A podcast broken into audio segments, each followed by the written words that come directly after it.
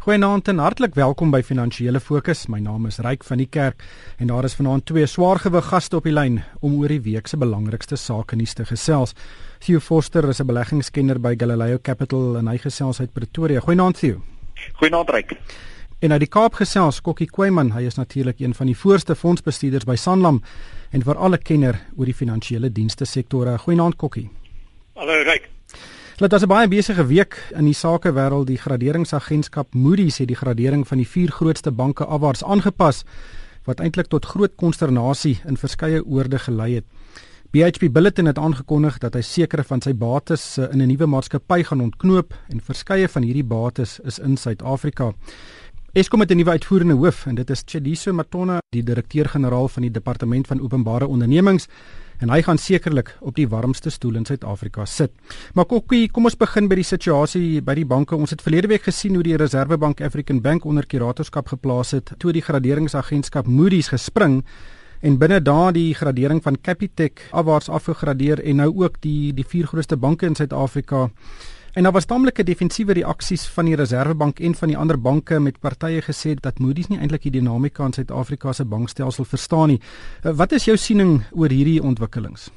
Ja, ons moet eers net die die perspektief behou dat Moody's is die een graderingsagentskap wat is agter was. Die ander agentskap het van tevore reeds Suid-Afrika se soewereine skuld en die banke se graderings afgegradeer en Moody's het nie. So ons moes uiteindelik verwag het, so het uiteindelik gewag vir die regte oomblik.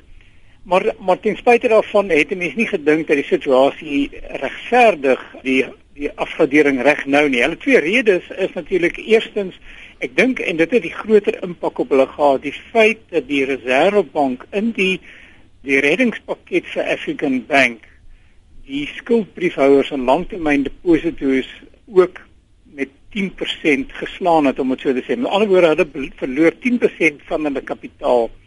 En en dit in Moody's oor regverdig onmiddellik vraagteken oor alle ander skuldbriewe veral in die banksektor van Suid-Afrika dat indien soortgelyke voorval weer plaasvind, dan loop hulle die risiko dat hulle 10% van hulle geld verloor. En ek dink by Randa toe was natuurlik dat die ekonomie inderdaad nog verslegter en die African Bank situasie gaan dit vererger. Ek meen as jy net kyk na baie van die uh, kleinhandel verkoop veral die op krediet maar ook kontant uh, het baie mense geleef op skuld. So daar's 'n bron van skuld wat nie meer daar gaan wees nie. Uh, dus ek dink uh, jy gaan 'n verdere verlangsaming in die ekonomie sien en ek dink dit is wat hulle raak sien. Net om op te som Suid-Afrikaanse banke is baie goed gekapitaliseer, so ook Capitec en en daarom voel ons is die afgradering nie geregverdig nie. Die impak moet redelik klein te wees omdat die grootste gedeelte van die befondsing van die banke kom van Suid-Afrikaanse pensioenfonde en lewensversekeringsmaatskappye wat nie hulle geld ergens anders heen kan vat nie. So ek dink nie die koste van kapitaal gaan skielik styg nie en behalwe dit met die verslegtering in die ekonomie gaan jy ook nie kry dat die reservebank rentekoerse gaan verhoog nie. Ek sê eerder sê rentekoerse gaan bly waar hulle is of selfs dalk weer daal. Sien, hoekom dink jy die reservebank nie net vir African Bank laat vou nie, soos enige ander besigheid nie? Wel, ek dink dit gaan oor die sistematiese risiko van die bankstelsel en ek dink die reservebank se optrede volgens my was korrek. Ek dink wel aandeelhouers het hulle geld verloor wat 'n mens heeltemal moet verwag en wat so behoort te wees. Die feit dat skuldbriefhouers 10% verloor het, ek dink ook dit dit is so. Nou skuldbriefhouers het gegaan vir 'n hoër opbrengs met 'n hoër risiko daarmee gepaard en dit het, het huis toe gekom. So volgens my het daai deel van die stelsel gewerk.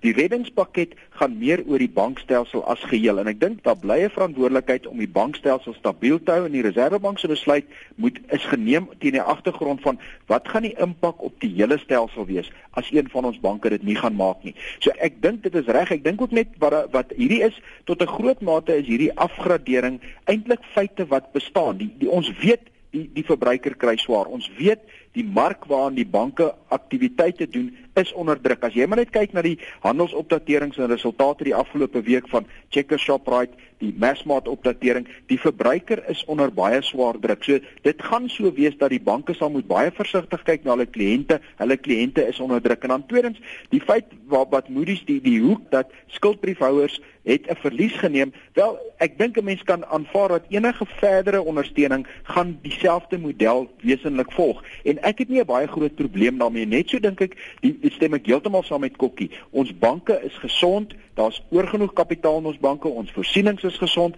en Capitec Bank is nie able nie. So ek is heel gemaklik met die banksektor en ek dink mense moet miskien hierdie meer sien teen die agtergrond van 'n tegniese afgradering as gevolg van faktore wat verander het. Ek dink nie dis suiwer iets wat as nietsheid moet beskou word nie Kokkie dink jy daar gaan 'n verandering in die prosesse en besluitneming van banke wees wat in Amerika gebeur het hier 2008 2009 met die finansiële krisis is dat banke het eintlik opgehou uitleen aan klein ondernemings en individue wat natuurlik 'n baie groot stres geplaas het op klein ondernemings. Dink jy ons kan dit nou in Suid-Afrika verwag of uh Dit is 'n gevaar. Dit is 'n gevaar. Ek is ek is redelik bang daarvoor. Uh, jy kry altyd 'n outomatiese terugtrekking uh, veral die kredietkomitees uh, want skielik is die vooruitskouings lyk swakker so jy weet hulle hulle is geneig om baie twee keer of drie keer te kyk na aansoek om krediet. So dit is 'n gevaar en jy weet eintlik sou die regering moet kom met inisiatiewe om dit te keer en om jy weet net uh, uitdelings aan te moedig uh, en die, en die, en vooruitsigte te verbeter. Hmm. Sien, dis ook nie net vir klein ondernemings nie. Jy weet baie verbruikers uh, maak staat op klein onder weet lenings.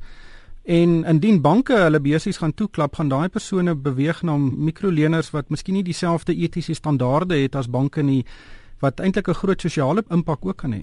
Nee, verseker, en ek dink dit kom terug na die beginsel dat ons het 'n ons het 'n bankstelsel nodig wat moet werk en wat krediet verleen aan 'n verskeie faktore en enige onvoorsiene implikasies van optrede wil 'n mens nie hê nie. Die laaste ding wat ons kan bekostig is dat die banke terugtreë en krediet strammer maak. Ons is juis 'n ekonomie wat dit nodig het dat jy 'n banksektor het wat 'n deel speel in die ekonomie. Maar aan die ander kant, ek dink baie van die lenings wat aangegaan is, is is nie noodwendig altyd reg aangegaan nie. Ek dink dit is waar die mikroleners inkom en dis waar baie mense dink ek ongesonde sakepraktyke toepas. Maar wat ons nodig het, ons het nie 'n bankstelsel nodig wat moet terugtrek nie. Ons het 'n bankstelsel nodig wat 'n normale rol in 'n normale groeiende ekonomie speel. Hmm. Net net so laastens, ons het nou gesien daar is risiko vir beleggers in sogenaamde geldmarkfondse. Dink jy dis 'n sistemiese probleem of is dit hierdie maar uit weet 'n geïsoleerde voorval? Dis 'n snaakse punt, Ryk. Ek neem nogal van die geldmarkfondse wat wat hulle voorgee as baie lae risiko fondse. Dink ek moet baie meer openlik met hulle met hulle beleggers wees en baie geldmarkfondse is nie dieselfde aan 'n deposito by 'n bank nie. 'n Deposito by 'n bank is jou teenparty, die bank se balansstaat en jy behoort jou geld in meeste gevalle terug te kry.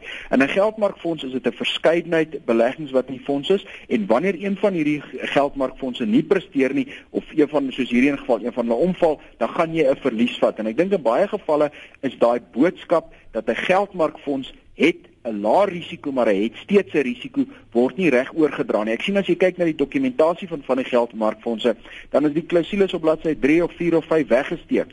En ek dink dit moet soos met 'n aandelefonds of soos met 'n groeifonds wat dit vooropgestel word, dink ek daai risiko moet beter uitgestip word sodat die persoon wat belê in 'n geldmarkfonds weet dis 'n portefeuljebeleggings, party van hulle gaan hoë risiko inhou as ander, maar dat dit is nie dat jou onderliggende kapitaal ten alle tye gewaarborg is nie. En ek dink baie keer het mense daai fout gemaak dat hulle 'n geldmarkfonds vir te lank gelykgestel aan 'n gewaarborgde opbrengs. Hmm. Kom ons kyk 'n bietjie na Eskom se nuwe uitvoerende hoof, Chediso Matona is die die aangewese persoon en dit volg natuurlik nadat Brian Dames in Maart uitgetree het. Nou Matona is tans die DG van die Departement van Openbare Ondernemings en hy was ook uh, lank die DG in die Departement van Handel en Nywerheid en hy het 'n baie goeie naam in die departement en in die in die regering as 'n baie goeie staatsamptenaar.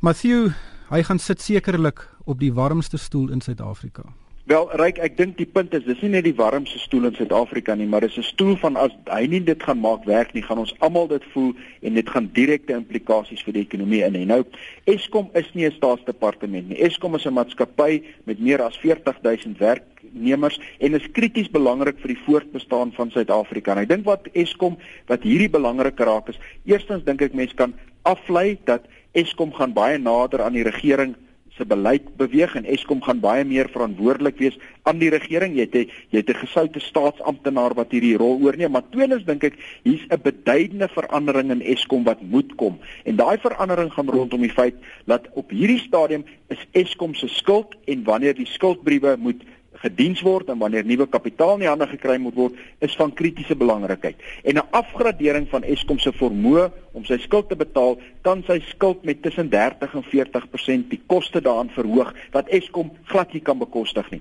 So hier hier is 'n mandaat hier by betrokke om te sê eerstens Eskom moet werk, maar tweedens Hoe gaan Eskom vorentoe lyk? Want is duidelik dat Eskom nie konstant al die rolle kan vervul nie. Eskom se mandaat is wat Eskom was 60, 70 jaar gelede. Hy hy hy wek die krag op, hy versprei die krag, hy hy, hy doen kleinhandelaktiwiteit rondom die krag, hy bestuur die kraginfrastruktuur en ek dink nie daai model kan werk nie. Ons het gesien dat Eskom sukkel in elemente daarvan en ek dink ons sal moet op 'n stadium een of ander manier van die privaat sektor betrokke kry en privaat kapitaal betrokke kry. Anderster kan hierdie model nie werk nie. Anderster gaan ons uiteindelik skuldafgraderings kry en dan gaan ek en jy baie duur daarvoor betaal. En ek ek is nie seker ek sou graag iemand gesien het met baie meer praktiese sake ondervinding wat hierdie kan deurtrek, maar aan die ander kant ek dink mense moet hom 'n kans gee om dit te doen en ek dink die punt van die saak is ons moet almal hoop hy gaan suksesvol wees. Hm. Kokkie die privatiseringswoord word ook die afgelope paar weke taamlik gereeld genoem, maar ek dink met sy aanstelling gaan daai woord eintlik bietjie geberre word. Ja, die die teorie het baie goed opgesom want want ons het hier 'n konseptuele probleem of 'n of 'n insigprobleem in dat die staat wil nie die leiersels oorgee aan die privaat sektor nie omdat hulle bang is dat die privaat sektor gaan natuurlik baie meer effektief te werk en ja, net die staat verloor beheer oor wat hy sien as 'n sleutel uh, rolspeler in die ekonomie. In meeste westerse ekonomieë of met kapitalistiese instellings sê jy juist wel dit moet gesamentlik deur die staat en die en die en die private sektor bestuur word as omdat die private sektor baie ander insigte het en uh baie meer gedrewe is om ook wins te maksimaliseer terwyl die staat 'n heeltemal ander inslag het. Nou ja, die hier is Eskom het, het groot hoeveelhede kapitaal nodig en solank die staat dit bestuur gaan buitelandse beleggers nie noodwendig die vertroue hê in Eskom om vir hulle hulle skuldbrief opbrengse te gee nie. Hmm. Wel, die ander groot verskil is is dat uh, met privatisering gaan die private sektor betaal vir die bou van daai kragstasies eerder as die belastingbetaler. Presies, presies. Ja. Brian Molefe van Transnet, iemand wat ek nogal hoog aanslaan, het kom ook uit die uh, staatsdiens uit CEO. Hy was lank 'n regeringsamptenaar en hy doen baie goeie dinge by Transnet. Nee, dit is so. Dis hoekom ek sê ons moet hom 'n kans gee om te kyk of hy dit kan deurvoer want dit is in ons almal se belang dat ons 'n suksesvolle Eskom het. Anderster, onthou as Eskom probleme optel het ons dit male sonder taal gesien. Dis nie dat ek en jy nie krag het nie. Die ekonomie ekonomiese groei word gedemp en ons kan dit nie bekostig nie. Hmm.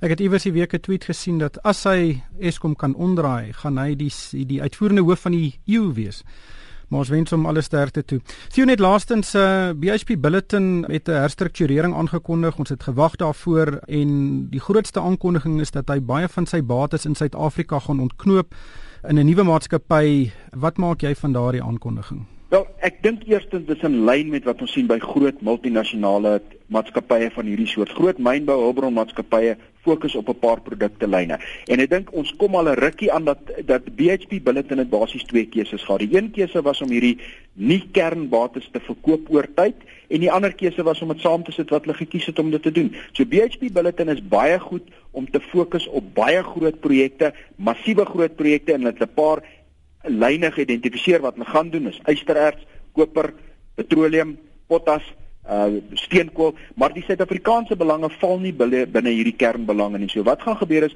die Suid-Afrikaanse belange gaan apart genoteer word. Hulle praat op die oomblik van 'n newco. Ons het nog nie die tegniese detail nie.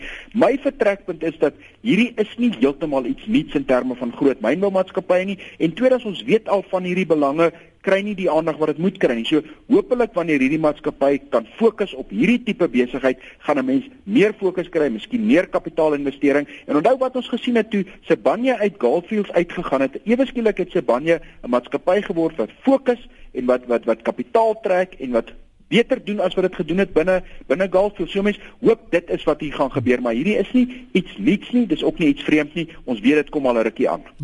Kokkie net laastens Anglo American Platinum het ook onlangs gesê wil van sy bates verkoop en dit volg ook na die ontknoping soos uh, Theo gesê het van Goldfield se uh, van hulle marginale myne. sien ons 'n tendens hierso met BHP Billiton wet onttrek ook vir alle basiese doeleindes uit Suid-Afrika vir alle bedryfsvlak. Is daar 'n tendens wat jy raak sien? Ja, ek ek, ek dink ek dink as as omdat die mynbousektor onder druk is, kommoditeite, China se groei is laag. Dus ek dink en dit is die voordeel van die private sektor, jy moet die hele tyd aan jou aandeelhouers rekenskap gee. So jy is heeltyd besig om te kyk na jou balans, wat jou inkomste staat te kyk, weet, kan ek met 'n verskuiwing beter opbrengste gee en veral bestuur beter motiveer en sig gee op wat hulle doel is.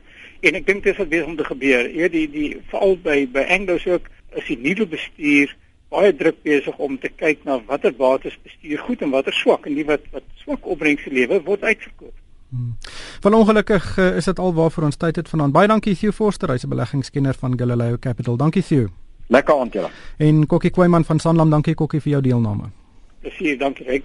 En van my ryk van die kerk, baie dankie vir die saamluister en ek koop almal 'n winsgewende week.